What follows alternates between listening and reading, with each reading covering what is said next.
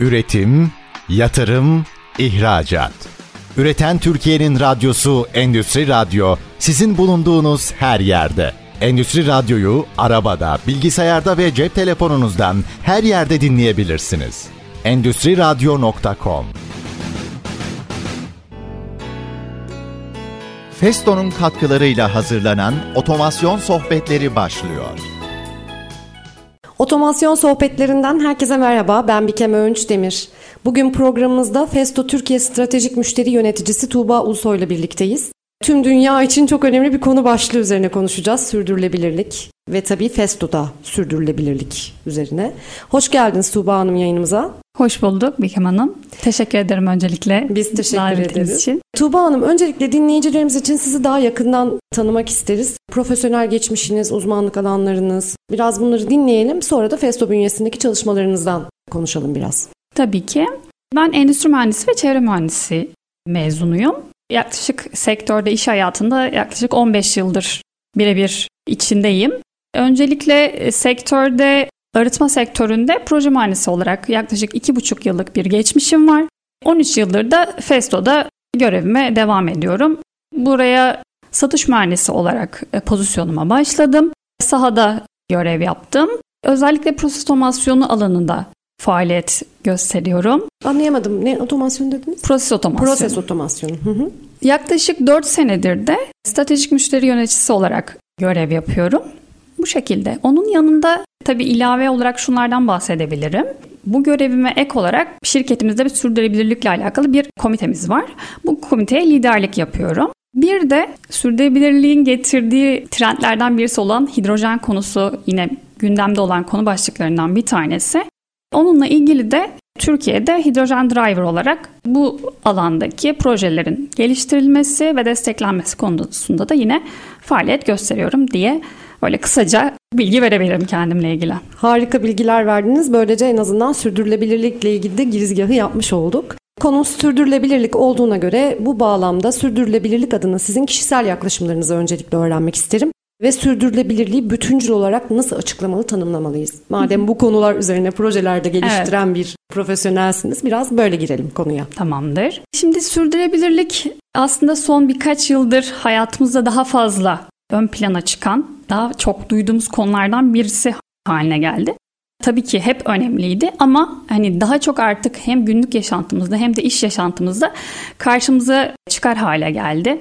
Baktığımız zaman işte alışveriş alışkanlıklarından, işte firmaların yaklaşımından hem kendi evimizde bu konu gündeme gelirken hem de iş yerinde şirketlerimizin aldığı aksiyonlarla birlikte bu konuyla haşır neşir olur hale geldik. Şimdi baktığımız zaman hani sürdürülebilirliğin tanımına baktığımız zaman mevcut nesillerin ihtiyaçlarını karşılarken gelecek nesillerin ihtiyaçlarından ödün vermeden bunu yapabilmek önemli. Aslında sürdürülebilirliği bu şekilde tanımlayabiliriz. Şimdi sorunuzun devamına gelecek olursam eğer hani benim günlük yaşantımdaki sürdürülebilirlikle ilgili yaptığım şeylerden, alışkanlıklarımdan bahsetmiştiniz.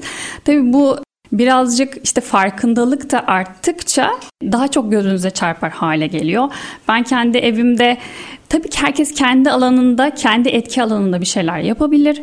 E, dolayısıyla işte ben evde belki çok basit ama etkili olan yöntemlerden birisi olan işte atıklarımın ayrı biriktirilmesi, onun dışında işte su tüketimine e, dikkat etmem, onun dışında şu beni çok sevindiriyor. Artık konu çok gündemde olduğu için okullarda da öğrencilere yönelik de okullar bununla ilgili aksiyonlar alıyor. Benim 8 yaşında bir oğlum var. O da 3. sınıfa geçti. Proje ödevleri oluyor. Özellikle sürdürülebilirliği destekleyen konularla ilgili işte geri dönüşümü destekleyen proje hazırlıkları oluyor. Dolayısıyla çocukları da şimdiden işin içine dahil etmek oldukça önem arz ediyor. Onun dışında alışveriş alışkanlıklarında yine farkındalığın artmasıyla birlikte firmaların sürdürülebilir ürün çözümleri var. Örnek veriyorum tekstil.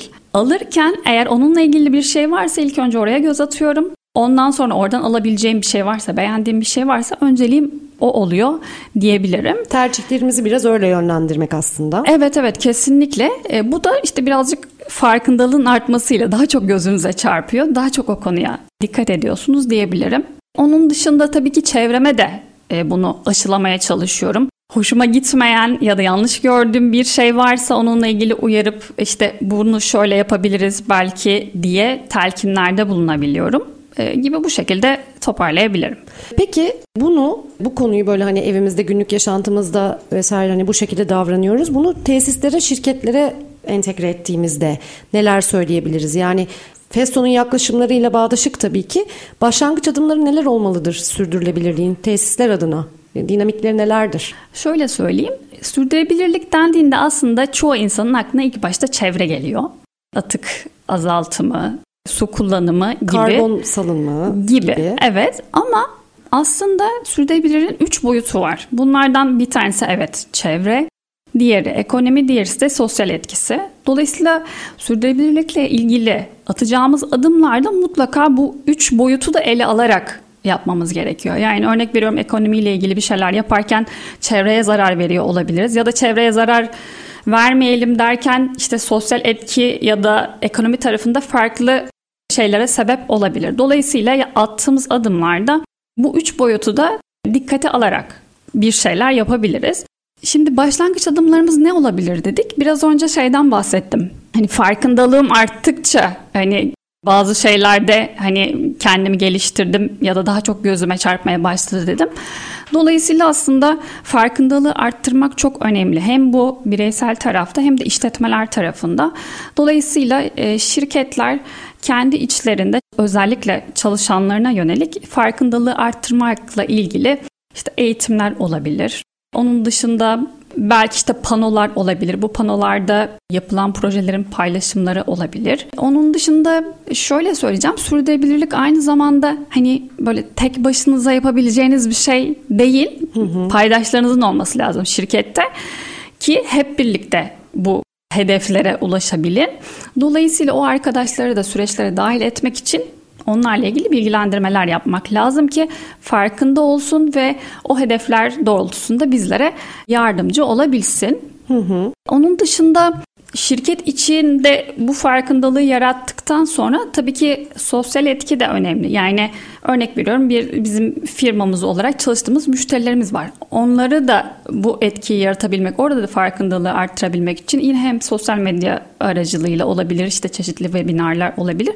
Bu tarafta da yine farkındalık arttırılabilir. Yine şirket içinde işte kaynak yönetimi sürdürülebilirlik de oldukça önemli başlıklardan bir tanesi biliyorsunuz sınırsız kaynağımız yok. Dolayısıyla kaynaklarımızı iyi bir şekilde yönetmemiz lazım. E işte bunu da takip edebileceğimiz işte enerji tüketimleri, su tüketimi, onun dışında işte üretim yapıyorsak orada kullandığımız malzemelerin verimli bir şekilde kullanılması ve bunların takibi gibi bu konularda aksiyonlar alınabilir. Onun dışında atık yönetimi yine Dediğim gibi basit ama etkili başlıklardan bir tanesi. Hani başlangıç aşamasında hani hemen yol alınabilecek konulardan bir tanesi. Dolayısıyla orada hem aslında kaynağında azaltma yoluna gidip sonrasında da azaltamadığımız durumda da gerekli ayrıştırmayı yaparak geri dönüşümünün sağlanması yine konu başlıklarından bir tanesi olabilir. Onun dışında şirketlerde kullanılan enerjinin yenilenebilir enerji kaynaklarından temin edilmesi olabilir. Bu işte şirketin tabii ki büyüklüğüne göre kendi işte güneş panelleri sistemini kurarak kendi elektriğini, yeşil enerjisini üretmesi olabilir. Onun dışında da eğer bunu yapamıyorsa yani kapasitesi ve tüketimi çok düşükse dışarıdan yeşil enerji temin yapabilir. Yani standart elektrik almak yerine yeşil elektrik dediğimiz işte firmaların bununla ilgili şeyleri var. Oralara başvurarak en azından karbon salınımını azaltma yönünde bu şekilde bir fayda sağlayabilir diyebilirim. Onun dışında tabii işte böyle çevreyle ilgili şeylerden bahsettik. Sosyal etki de önemli. Şimdi baktığınız zaman çalışanların işte iş güvenliği, onların yetkinliklerinin arttırılmasına yönelik şeyler, yine tedarik zincirindeki kullanıcılarımız, e, kullandığımız ekipmanları tedarik ettiğimiz firmalarla ilgili olan işte insan hakları ile ilgili konular bu tarz konuları da yine gündeme getirerek aslında bir başlangıç yapılabilir diye düşünüyorum. Tabii işte ama bu, bu başlangıcı yaptıktan sonra bunları sürdürmek de gene bu kesinlikle, konunun kapsamında. Kesinlikle. Yani hani öyle biten bir şey değil çünkü. Aynen öyle. Yani sürdürülebilirlik konusu hani bir kere evet yaptım hedeflerim bu hadi hedeflerimde tutturdum ya da ulaştım bitti gibi bir şey değil. Bu hep hayatımızda olması gereken bir şey. Yani sürdürmemiz gereken bir şey. Evet. Dolayısıyla yaşayan bir süreç. Yani hemen bu saydığım şeylerde başlıklarda kimisiyle ilgili işte etkin sonuçlar alabilirsiniz. Hemen gözle görülebilir ama kimisi de çok uzun vadede yapmanız gereken şeyler olabilir. Bir de bu başlangıçları yaptıktan sonra da bunu devamlı hale getirmeniz hı hı. ve rutin olarak kontrollerini yapıyor olmanız gerekiyor. Peki o zaman hemen burada bütün bunları anlattıktan sonra şunu soralım. Sizin yani Festo'nun sürdürülebilirliğe katkı sağlayan ürün, çözüm önerileri neler? Şimdi ürün ve çözümlere bakacak olursak Festo aslında ürün ve çözümlerini dört ana başlık altında topluyor. Şimdi baktığımız zaman bunlardan birisi birincisi tasarım. Her şey aslında işte makine otomasyonu tarafında özellikle tasarımla başlıyor. Dolayısıyla tasarım bölümü oldukça önemli. Neden önemli? Çünkü örnek veriyorum bir makine üreticisi bir makine üretecek. Orada kullandığı işte ekipmanların seçimi, onların doğru boyutlandırılması e, sonucunda da ne olacak? O makine çalışmaya başladığında bir enerji tüketecek, bir karbon ayak izi oluşacak totalde. Dolayısıyla ilk başta bu tasarım aşamasında müşterilerimize destek oluyoruz. Nasıl destek oluyoruz? Festo'nun aslında bu alanda oldukça fazla online seçim araçları var. Yani bizim kendi kişisel ürün seçimlerimiz değil, mühendislik araçları, hesaplamalar, işte ne kadar hava tüketir, işte moment hesabı, boyutlandırma gibi hesaplamaları yapılabildiği mühendislik araçlarıyla müşterilerine çözüm sunuyor. Tabii bu neyi sağlıyor? Daha projenin ilk başında doğru boyutlandırmayı yaparak optimum çözümü sunmuş hmm. oluyor. Dolayısıyla tasarım süreci oldukça önemli. Bir diğer başlık e, sürdürülebilir ürünler. Bu alanda da bizim ürün olarak müşterilerimize yani mevcut sistemlerinde bazı kullandığı ürünler olabilir. İşte daha verimli hale getirmek için bizden talep edebildiği işte sürdürülebilir dediğimiz ürünlerle değişimini yaparak orada işte bir enerji verimliliği olabilir, işte kaynak verimliliği olabilir ya da makinelerin totaldeki e, üretim verimliliği konusunda destek olunabilir. Burada daha çok işte smart ürünler ön plana çıkıyor. Fashion'da bu alanda oldukça fazla ürünü var diyebilirim. Bir diğer konumuz, üçüncü konu başlığımız ise enerji verimliliği servisleri. Baktığımızda aslında Feston ana faaliyet alanlarından birisi. Yani bizim için yeni bir konu değil enerji verimliliği hı hı. konusu. Sadece sürdürülebilirlikle birlikte birazcık daha belki ön plana yani yıllardır Festo bu alanda hizmetlerini sürdürüyor. Ne yapıyor? Aslında biraz daha geliştiriyor. Sektörün şu anki taleplerine göre yenilerini ilave ediyor gibi. Enerji verimliliği kısmında da bizim örnek veriyorum bir makine otomasyonu yine makineden bahsedeyim. Hı hı. Bir makine otomasyonunda işte mevcutta bir makineniz var. Bunun analizlerini yaptınız. İşte enerji tüketimleri çok fazla ve çok verimli çalışmıyor.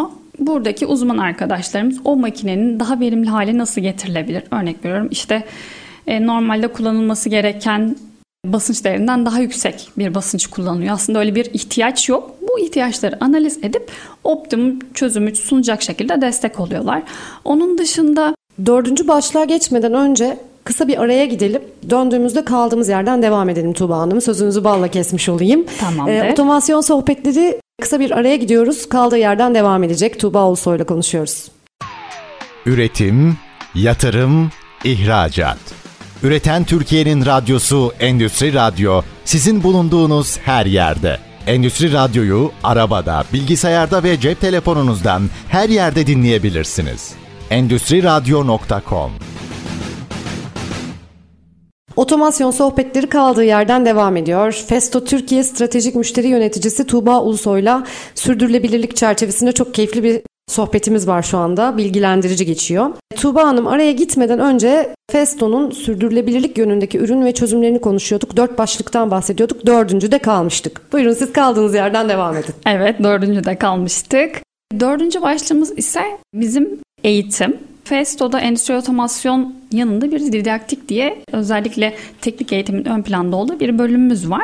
Burada da sürdürülebilirliği nasıl destekliyoruz? Teknik eğitimlerle nitelikli personel yetiştirilmesi, üniversitelerle işbirliği yaparak oradaki öğrencilerin işte geleceğe hazırlanması, hem üniversite öğrencilerin hem de işte ilkokul boyutundaki erken sistem dönemindeki işte bir robotik kodlama gibi eğitimler, aynı zamanda işte yenilenebilir enerjiyle erkenden tanışmaları. Bunları da tabii ki sadece teorik eğitimlerle değil bizim arkadaşlarımızın geliştirmiş olduğu eğitim setleriyle destekleyerek uygulamalı eğitimlerle dediğim gibi nitelikli ve yetkin personel, endüstriye yetkin personel kazandırılması konusunda gerçekten güzel eğitim içeriklerimiz bulunuyor. Bu şekilde dört başlıkta aslında hizmet ve çözümlerimizi toparlayabilirim. İlk üç başlığı da şöyle bir hatırlatalım. Yani detaylı değil başlıklar nelerdi programımızı yeni dinlemeye başlayanlar için? Tamamdır. Birincisi tasarımdı. Hı-hı. Tasarımla başladığı için aslında. İkincisi e, smart ürünler yani sürdürülebilirliği destekleyen ürünlerimiz. Hı-hı. Üçüncüsü enerji verimliliği servislerimiz. Dördüncüsü de eğitim. Evet. Harika. Peki otomasyon teknolojilerinin genel bağlamda soruyorum bunu. Sürdürülebilirliğe nasıl bir katkı sağladığını düşünüyorsunuz? Şimdi otomasyon artık günümüzde endüstrinin ayrılmaz bir parçası. İşte önceki bölümlerde kaynak verimliliğinden bahsettik, enerji verimliliğinden bahsettik. Dolayısıyla otomasyona baktığımız zaman sistemler, üretim sistemlerini otomatik hale getiriyor. Dolayısıyla optimum çözümü sunuyor. Bu manuel bir işlem olsa belki oradaki işte çalışanın hatalarından daha fazla ıskartaya çıkan ürünler hem üretim adetleri gibi otomasyon tabii birçok sürdürülebilirliğe katkı sağlıyor. Onun dışında veri günümüzün big data dediğimiz günümüzün yine önemli başlıklarından bir tanesi. Otomasyonda artık sistemler daha izlenebilir hale geliyor. Bize veri üretiyor. O verilere göre biz çeşitli aksiyonlar alabiliyoruz. O yüzden otomasyon aslında sürdürülebilirliğin olmazsa olmaz başlıklarından bir tanesi diyebilirim. Dijitalleşme de bunu çok destekledi tabii ki. Kesinlikle, kesinlikle. Yani daha da artacaktır. Böyle yavaş aslında başladı ama sürdürülebilirlikle birlikte dijitalleşme de daha da ön plana çıktı. Şirketlerin özellikle bu alanda çok fazla çalışması var. E, Festo'nun da tabii ki. Yani müşterinin ilk Festo ile kontak kurduğu andan örnek veriyorum bir teklif istemesinden o projenin teslimine kadar olan sürecin dijitalleşmesiyle ilgili bizim de tabii ki çözümlerimiz ve çalışmalarımız mevcut. Peki Tuba Hanım e, biraz önce aradan önceki sohbetimizde biraz sürdürülebilirlik bilincine aslında değindik ama ben hem burada biraz daha açmak istiyorum hem de burada biraz şeyi de merak ediyorum. Mesela pandemi yaşadık yani çok ciddi 2-3 senemizi etkileyecek bir süreç yaşadık. Bu süreç sürdürülebilirliği nasıl tetikledi ya da etkiledi? Bilinci nasıl etkiledi, değiştirdi, dönüştürdü? Böyle bir dönüşüm olduğunu düşünüyor musunuz mesela? Hı hı. Şöyle söyleyeyim yani sürdürülebilirlik bilinci Yine en başta da söylediğim gibi işte farkındalık burada çok önemli. Şirketlerin, işte üst yönetimin, çalışanların desteklemesiyle birlikte aslında bu bilinç artacak. Bunları da ne yapıyoruz? Aslında eğitimlerle. Örnek veriyorum işte şirket içinde bir proje yapıyoruz ama bunu sadece kendimize saklarsak olmaz. Dolayısıyla çalışanlara bu yaptığımız başarı öykülerini anlatarak ne olacak? O bilinç zaman içinde artık oturmuş olacak. Dolayısıyla şöyle bir şey de söyleyebilirim. Yine her bireyin kendi etki alanında bu süreçlere dahil etmesi de aslında onun o alandaki bilincini artıracak faaliyetlerden bir tanesi. Örneğin biz kendi içimizdeki işte performans değerlendirmeleri için yıl başında kendimize her bireyin kendi etki alanında vereceği bir hedef belirledik. Sürdürülebilirlikle ilgili bir hedef belirledik. Çünkü onları içine çekmemiz gerekiyor ki bu bilinci birlikte arttırabilelim. Şimdi pandemiyle birlikte biliyorsunuz alışkanlıklar değişti. Hepimiz işte evlere kapandık. Onun dışında baktığınız zaman çoğu ziyaretlerimizi biz aslında pandemi öncesinde yüz yüze yapardık. Yine şimdi de aynı şekilde devam ediyoruz ama hayatımıza artık bir online toplantı, online görüşme gibi şeyler girdi. Dolayısıyla ne oldu? Belki bu online görüşmeler pandeminin bitmesiyle birlikte bizim hayatımızda kaldı. Çünkü biz onlardan verim aldık. İşte zaman yönetimi ile ilgili bize avantajları oldu. Baktığınız zaman işte araçla bir yerden bir yere gittiğinizde bir benzin tüketiminiz oluyor. Hı hı. Bunun işte atmosfere bir karbon salınımı var. Dolayısıyla bizim gerektiği yerlerde pandemiyle ilgili gelen alışkanlıklarda hem sürdürülebilirliği destekleyecek şekilde bizim için önemli olan kısımlarını tabii ki alıp kendi günlük yaşantımıza ilave ettik diyebilirim. Sürdürülebilirlik Komitesi liderliğinden bahsetmiştiniz. Yani o komiteye de değinelim ve bu komite kapsamında bu çalışmaları yapıyorsunuz herhalde değil mi? Şöyle e, yaklaşık iki sene önce biz kendi içimizde bir komite oluşturduk. Özellikle de bu komiteyi oluştururken her birimden bir arkadaşımızın bu komiteye dahil olmasını istedik. Şu an ben o komiteye liderlik ediyorum. Tabii ki işte iki ayda bir bizim toplantılarımız var. Festo Türkiye olarak işte stratejimizi de çünkü stratejimizde sürdürülebilirlik e, ayrılmaz bir parça. Dolayısıyla burada bazı hedefler belirliyoruz. Bu hedeflerin dolayısıyla da aldığımız aksiyonları bir araya gelerek değerlendiriyoruz. O hedeflerin neresindeyiz, ne yapmamız gerekiyor ya da ne yapacağız diye arkadaşlarla birlikte değerlendiriyoruz. Onun dışında tabii globalde de bununla ilgili olan arkadaşlarımız var. Onlarla da tabii ki iletişimimiz kesinlikle oluyor. Burada biraz şuna değinmek istiyorum. Gene böyle konuşurken sürdürülebilirliğin üç boyutundan bahsetmiştik.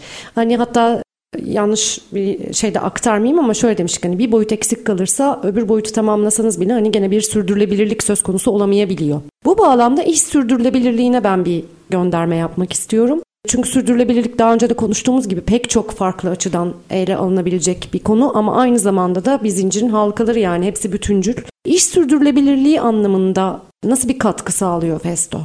Müşterilerine aynı zamanda da kendine. Hı hı. Şöyle söyleyeyim. Birleşmiş Milletler 2015 yılında e, yapmış olduğu toplantıda sürdürülebilir kalkınma amaçları 17 tane sürdürülebilir kalkınma amaçlarını belirledi. Hı hı. E, bunu da tabii ki üye ülkeler kabul etti birlikte onaylandı. Festo'da bu sürdürülebilirlik kalkınma amaçları aslında hepimiz için bir rehber. Dolayısıyla Festo'da bunu rehber olarak kullanıp kendine 6 tane eylem alanı belirledi. Bu 6 tane eylem alanına baktığımız zaman e, bunlardan bir tanesi işte karbon ayak izinin azaltılması ve enerji verimliliği. İkincisi teknik eğitim. Onun dışında çevre, kaynak ve malzeme kullanımı. Dördüncüsü Festo'da çalışanlarımız yani Festo'daki insanlar. Beşincisi de etik ve yönetişim konuları. Bütün yaptığı faaliyetler, aldığı aksiyonlar aslında bu altı tane eylem alanı içinde gerçekleşiyor. Tabi bu eylem alanlarını belirlerken de paydaşlarını da göz önünde bulunduruyor. Yani paydaşları işte hem sosyal taraf hem müşterileri hem de Festo çalışanları. E şimdi karbon azaltılması kısmına bakarsak eğer burada şimdi hem Festo'nun kendi oluşturmuş olduğu işte üretim ürünlerin üretimi sırasında olabilir, işletmelerinde olabilir. Bir karbon salınımı var. Bir de ürünlerini müşterilerine teslim ettikten sonra müşteri tarafında oluşan bir karbon salınımı var.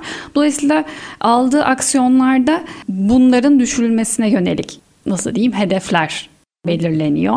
Onun dışında enerji verimliliği dedim yine birinci maddede ana eylem alanlarımızdan bir tanesi olarak. Enerji verimliliği yani enerji günümüzde yine önemli başlıklardan bir tanesi. En Aynen biri. öyle.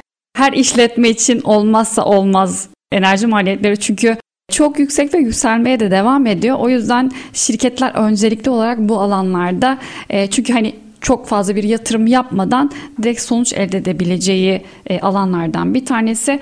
Dolayısıyla burada biz müşterilerimize destek oluyoruz. Onun dışında teknik eğitim kısmını demiştim diğer bir eylem alanı. Burada da tamamen işte endüstriye yönelik teknik eğitimler. Onun dışında işte yenilenebilir enerji dedik örnek veriyorum. Burada kendi ürün portföyünden bağımsız olan yani sektörün ihtiyacı olan eğitimleri sunuyor. Örnek veriyorum işte rüzgar tribünlerinin bakımı, kadın çalışanların teknik eğitimi gibi sürdürülebilirliği destekleyecek eğitimlerle nitekli personel yetiştirme konusunda destek oluyor. Çevre, kaynak ve malzeme kullanımı tarafında şimdi bir üretim sürecimiz var. Ürünlerimizin üretildiği süreç var. Dolayısıyla orada artık mevcut ürünlerin yanında yeni geliştirilen ürünler de var. Çünkü Festo her sene Arge'ye ciddi bir yatırım yapıyor. Bu Arge'ye yaptığı yatırımlarda da o üç boyuttan bahsetmiştik ya. Evet. Dolayısıyla yeni aldığı kararlarda da bunu göz önünde bulundurması lazım. Daha sürdürülebilir ürünler çıkarması lazım.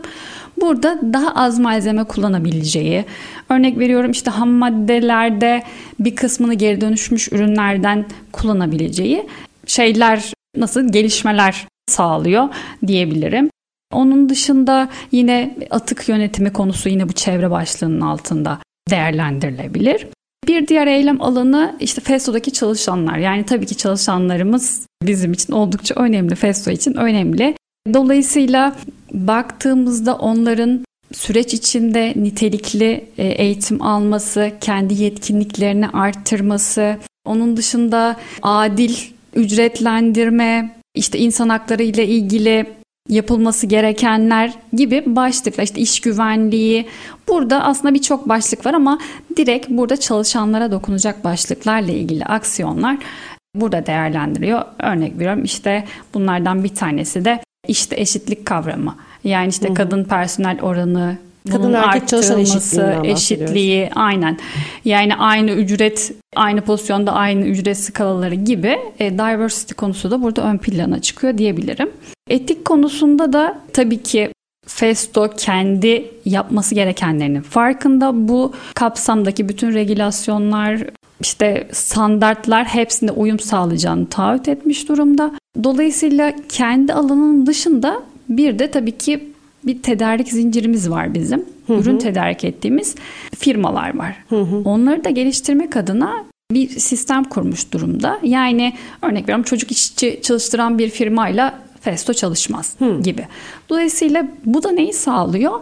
Kendini geliştirirken aslında ona dokunan tedarikçi ağını da buna zorluyor. Sürdürülebilirlikle ilgili aksiyonlar almaya zorluyor. Ee, burada da etik konusunu ele alıyor diyebilirim. Bu 6 tane eylem alanı tabii ki geliştirilebilir değil mi? Yeni eylem alanları da tabii ki kesinlikle çıkabilir. Kesinlikle. Yani şöyle e, şimdi Festo'ya baktığımız zaman asıl Festo'nun uzmanlık alanı endüstriyel otomasyon ve teknik eğitim. Dolayısıyla en kolay nüfuz edeceği ve e, sürdürülebilirlikle ilgili aksiyon alacağı yer bu alanlar. Dolayısıyla o yüzden eylem alanlarında birazcık o şekillendiriyor diyebilirim. Ama tabii ki bunun yanında da yapılan şeyler olabiliyor. E, sadece genel yaptığı, en çok yaptığı nasıl diyeyim projeler bu başlıklar altında toparlanıyor diyebilirim. Hı hı. Otomasyon sohbetlerinde şimdi kısa bir araya gideceğiz. Tuba Ulusoy ile konuşuyoruz sürdürülebilirliği. Döndüğümüzde biraz böyle sürdürülebilirlik raporlarına değineceğiz. E, şimdi kısa bir ara. Üretim, yatırım, ihracat. Üreten Türkiye'nin radyosu Endüstri Radyo sizin bulunduğunuz her yerde. Endüstri Radyo'yu arabada, bilgisayarda ve cep telefonunuzdan her yerde dinleyebilirsiniz. Endüstri Radyo.com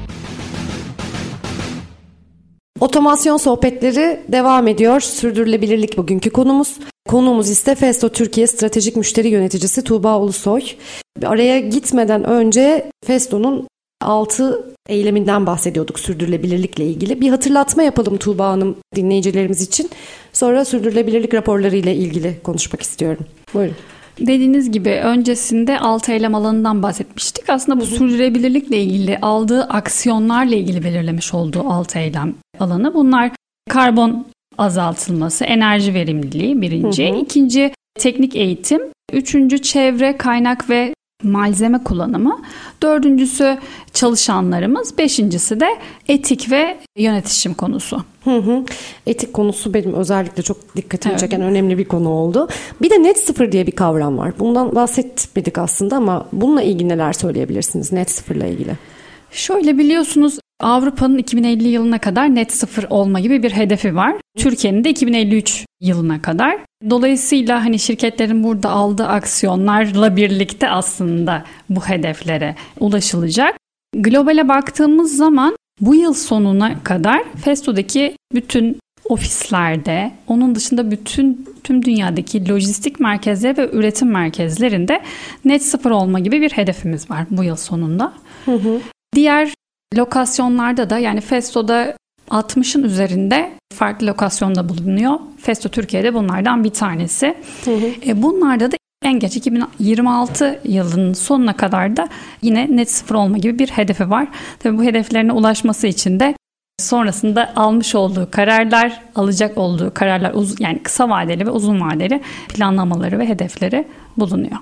Programın başından beri hep söylüyoruz. Son zamanlarda özellikle hani sürdürülebilirlik daha böyle bir hep gündemdeydi yıllardır aslında ama son evet. dönemde daha çok gündeme gelmeye başladı. Hatta artık pek çok uluslararası ve ulusal şirket de bu trende biraz da trende de dönüştüğünü düşünüyorum aslında belki de. Sürdürülebilirlik raporları hazırlanıyor. FESO'nun böyle bir çalışması var mı ya da sürdürülebilirlik raporu şeklinde ya da olacak mı? Ve siz bu sürdürülebilirlik raporlarını gerçekten faydalı, gerçekten etki eder ölçüde buluyor musunuz? Şöyle söyleyeyim, Festo 2017 yılından beri sürdürülebilirlik raporlarını hazırlıyor. Bu senede en son 2022 yılına ait sürdürülebilirlik raporunuz bu sene yayınlandı ve her senede bu raporu yayınlama ile ilgili bir taahhüdü var. Hı hı. Dolayısıyla e, sorumlulukların bilincinde. Globalde çok, mi evet, yoksa globalde. Türkiye'de de ayrıca hazırlanıyor mu? Globalde. Hı hı. Dolayısıyla sorumluluklarının bilincinde ve çok şeffaf bir şekilde bunu tüm dünyaya, tüm müşterilerine yani merak eden herkese aslında ulaşabilecek şekilde yayınlıyor. Bunu da GRI standartlarına göre bu raporu hazırlıyor. Farklı standartlar var. Festo'nun tercih etmiş olduğu yani standart GRI standardı. Bu ben, standart neyi, neyi tanımlıyor? Altını bir çizelim. Tabii şöyle bir aslında size bir yol haritası Hı-hı. hazırlıyor. Yani o raporda sizden neleri istediğinizi Hı-hı. sistematik hale getiriyor ve sizden o bilgileri alıyor Hı-hı. diyebilirim. Hı-hı. Yani bence sürebilirlik raporları oldukça faydalı. Yani ben kendi şirketime ait raporu da okuduğum zaman o kadar detaylı ki yani Hı. çok şeffaf bir şekilde bütün hedefleriyle ilgili son durumu neydi? Yani örnek veriyorum bir hedef belirledi kendine. Hedefi yerine getiremediyse bile şu anki ne durumda bunu görüyor. Dolayısıyla bu tarz raporların artması da çok değerli çünkü başka firmalara da ışık tutuyor, örnek teşkil ediyor. Bu açıdan ben çok değerli buluyorum. Festo Türkiye'de de biz bu sene özel bir platform üzerinden kendi karbon ayak izimizi hesaplamak için bir araç kullanıyoruz. İşte ne olabilir? Enerji tüketimleri olabilir, işte atık gibi birçok konuyu oradan takibini yapıyoruz. İlerleyen süreçlerde tabii onlarla ilgili hedeflerimizi belirleyip aksiyonları alacağımızı söyleyebilirim. Globaldeki sürdürülebilirlik çalışmalarına ben geçmeden önce burada hidrojen konusuna da değinmek istiyorum. Çünkü siz programın başında bahsettiniz. Biraz ona değinir misiniz? Şöyle söyleyeyim. Aslında hani sürdürülebilirlikle ilgili yeni iş kolları da yeni hı hı. fırsatlar, yeni alanlar da türüyor. E, hidrojen aslında bir enerji kaynağı olarak yeni değil. Bazı işletmelerde bu kullanılıyor. Ama şu an özellikle yeşil hidrojen konusu gündemde. Yeşil hidrojen dediğimizde ne? Hidrojeni üretirken kullandığınız enerjinin yenilenebilir enerji kaynaklarından elde ediliyor olması hı hı. önem arz ediyor. Şimdi dolayısıyla şimdi Avrupa'da dedik ki net sıfır olma gibi bir hedefi var 2050 yılına kadar. Şimdi bu hedefi gerçekleştirebilmesi için işte fosil yakıt tüketimlerini işte minimuma indirmesi lazım. Kendine alternatif enerji kaynakları yaratması lazım. Tabii yenilenebilir enerji kaynakları var. Güneş, rüzgar gibi. Ama bunun yanında da hidrojen aslında yeşil hidrojen özellikle alternatif enerji konusunda oldukça önemli pay alıyor diyebilirim. Şu an Avrupa'da özellikle çok gündemde ve bununla ilgili çok fazla yatırım var. Türkiye'de birazcık daha yeni yeni gelişiyor diyebilirim. Ama ufak ufak işte hani devletin de teşvikleriyle tabii ki bu birazcık daha artacak işte regülasyonlar belirlenecek ama şimdi takip ettiğim için bu alanda da yeni geliştirilen projeler var. Hatta işte bir Avrupa Birliği'nden hibe alınarak yapılacak bir projede gündemde. Hemen böyle Türkiye'ye değinmişken şuna bir sormak istiyorum. E, Türkiye'yi sürdürülebilirlik kapsamında nasıl değerlendiriyorsunuz? Yani bir puanlama olsa dünyanın neresindeyiz sizce? Onun üzerinden kaç verirsiniz Türkiye'ye mesela? genel olarak mı? Evet genel olarak Türkiye için soruyorum yani sürdürülebilirlik açısından değerlendirdiğiniz. Anladım. Yani şöyle tabii Avrupa bu alanda daha sistematik ve daha nasıl diyeyim yolunda gidiyor. Ama bence son senelerde Türkiye'de buna ayak uydurma yolunda önemli adımlar attı diyebilirim. Şimdi biz ihracatımızın da çok büyük bölümünü Avrupa'ya yapıyoruz. Bir süre sonra işte yeşil mutabakat konusu var. Bir süre sonra işte bu yaptığınız ürünlerin işte ne kadar karbon salımlı oluşturduğunu iletmeniz gerekiyor. Dolayısıyla bu da size bazı yaptırımlar da beraberinde getiriyor. Dolayısıyla sürdürülebilirlik konusu hepimiz için kaçınılmaz diyebilirim. Hı hı. Biraz şeyden bahsedelim o zaman. Sizin projelerinizden yani sürdürülebilirlik bağlamında gerçekleştirdiğiniz projeleri örneklendirerek sonuçlarıyla birlikte bir değerlendirme yaparak anlatabilirseniz hem de bunlara böyle bir somut bir gözümüzün önüne bir şey getirmiş oluruz. Tamamdır. Şöyle söyleyeyim yani Türkiye'de yaptığımız projelere bakacak bir iki tane örnek verecek olursam işte dört tane başlık altında toplamıştık çözümlerimizi. Bir tanesi eğitim konusu. Eğitim konusunda birkaç firmayla özellikle kadın çalışanların teknik eğitimleri ile ilgili e, bir projemiz oldu. Toplamda 20, yanlış hatırlamıyorsam 25 günlük bir eğitim programı. Daha çok işte mevcut bir kadın çalışan sayınız var, teknik personel. Bunların bir kısmını daha e, nitelikli hale gelmesi için bir eğitim programı hazırlanıyor. Bunun hı hı. içeriğinde teknik eğitimlerin yanında kişisel gelişim eğitimleri de var. Bununla birlikte ne yapmış oluruz? Aslında sanayide yetkin personel sayısını arttırmış oluyoruz. Tabii biliyorsunuz işte kadın personel dedim özellikle. Yani şirketlerde kadın çalışan sayısının artışı da hepimiz için oldukça önemli. Tabii bunun için yapılan projeleri de desteklemek bizim için keyifli diyebilirim. Onun dışında enerji verimliliğini destekleyen projelerimiz oluyor. Örnek veriyorum basınçlı hava hatlarındaki verimliliğin hesaplanması, işte hava kaçaklarının giderilmesi, işte makine optimizasyonlarının yapılması gibi ve bunların izlenebilir hale getirilmesiyle ilgili yaptığımız çeşitli projeler var. Onun dışında yine eğitim tarafında işte bir firmada çocuklarına yönelik işte erken sistem eğitimini destekleyici, işte çocukların erken yaşta teknolojiyle buluşmasını sağlayacak, işte robotik kodlama olabilir e, ya da bu yenilenebilir enerjiyle tanışmaları ile ilgili eğitim setleriyle böyle bir oyun tadında e, eğitim içeriklerimiz var. Bunların da uygulandığı birkaç projemiz oldu. Çocuklar için eğitim setleri nasıl ulaştırıyorsunuz bunları çocuklara peki? Şöyle. Okullar aracılığıyla mı? Örnek veriyorum siz firma olarak işte böyle bir etkinlik planlamak istediniz bizimle. Sizin firmanın kendi sağlamış olduğu bir alanda olabilir. Çalışan personellerin çocuklarıyla yaş aralığı eğitim içeriğine göre belirlenebilir. Burada eğitim setleriyle tabii ki çocuklara inecek şekilde bu aktarımların bu sürdürülebilirlik konusunun aslında destekleyici eğitimler çocuklarla birlikte işte oyun oynayarak onları tanıştırmak diyebilirim. Hı hı.